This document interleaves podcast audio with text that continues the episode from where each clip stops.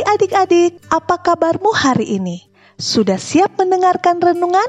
Sebelumnya, mari kita berdoa. Tuhan Yesus yang baik, kami anak-anakmu siap untuk mendengarkan firman Tuhan. Tuhan pimpin kami agar kami dapat mengerti firman yang akan kami dengarkan. Terima kasih Tuhan. Amin. Adik-adik, tema kita hari ini apa ya? Ada yang tahu? Tema kita adalah Tuhan membebaskan bangsa Israel dari Mesir. Wah, kisah ini pasti adik-adik pernah dengarkan. Ayat Alkitabnya dari mana ya? Ayat Alkitabnya dari Keluaran 12 ayat 1 sampai ayat 28. Nanti adik-adik baca sendiri ya ayat 1 sampai ayat 28. Tante Lisi akan membacakan ayat 4-nya. Mari kita mendengarkan. Hari ini akan menjadi hari peringatan bagimu. Kamu harus merayakannya sebagai hari raya bagi Tuhan turun-temurun kamu harus merayakannya sebagai ketetapan untuk selamanya. Hari ini, kenapa ya firman Tuhan hari firman Tuhan hari ini berkata hari ini kamu harus merayakan. Merayakan apa ya? Hmm, ternyata adik-adik ini hari yang spesial.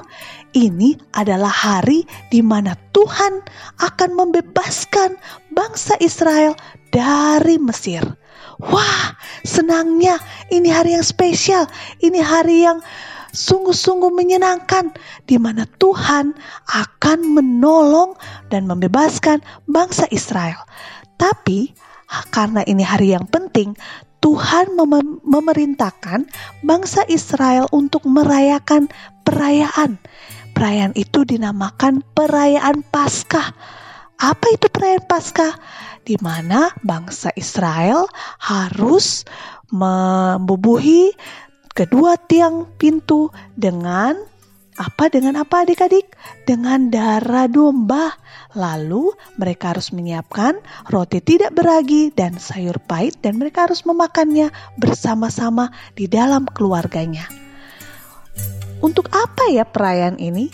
Perayaan ini sangat penting adik-adik agar bangsa Israel selalu mengingat siapa yang membebaskan mereka dari Mesir.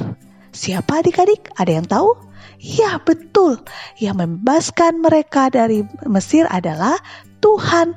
Tuhanlah yang menolong, yang berkuasa, yang membebaskan bangsa Israel dari Mesir. Tuhan tidak pernah tinggal diam dengan penderitaan yang dialami umatnya.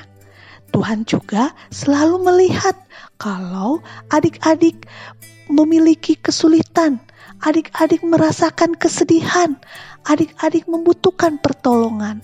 Tuhan ingin sekali menolong adik-adik. Lalu apa yang harus kita lakukan? Kita datang kepada Tuhan.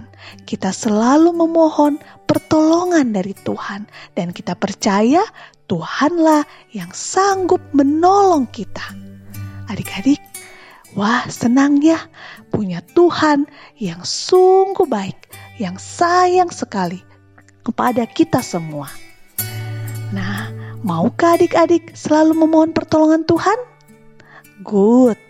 Nah, untuk menutup renungan pada hari ini, mari kita berdoa. Tuhan Yesus yang baik, kami bersyukur memiliki Engkau yang selalu menolong kami.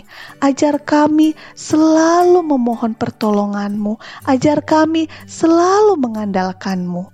Terima kasih Tuhan. Amin.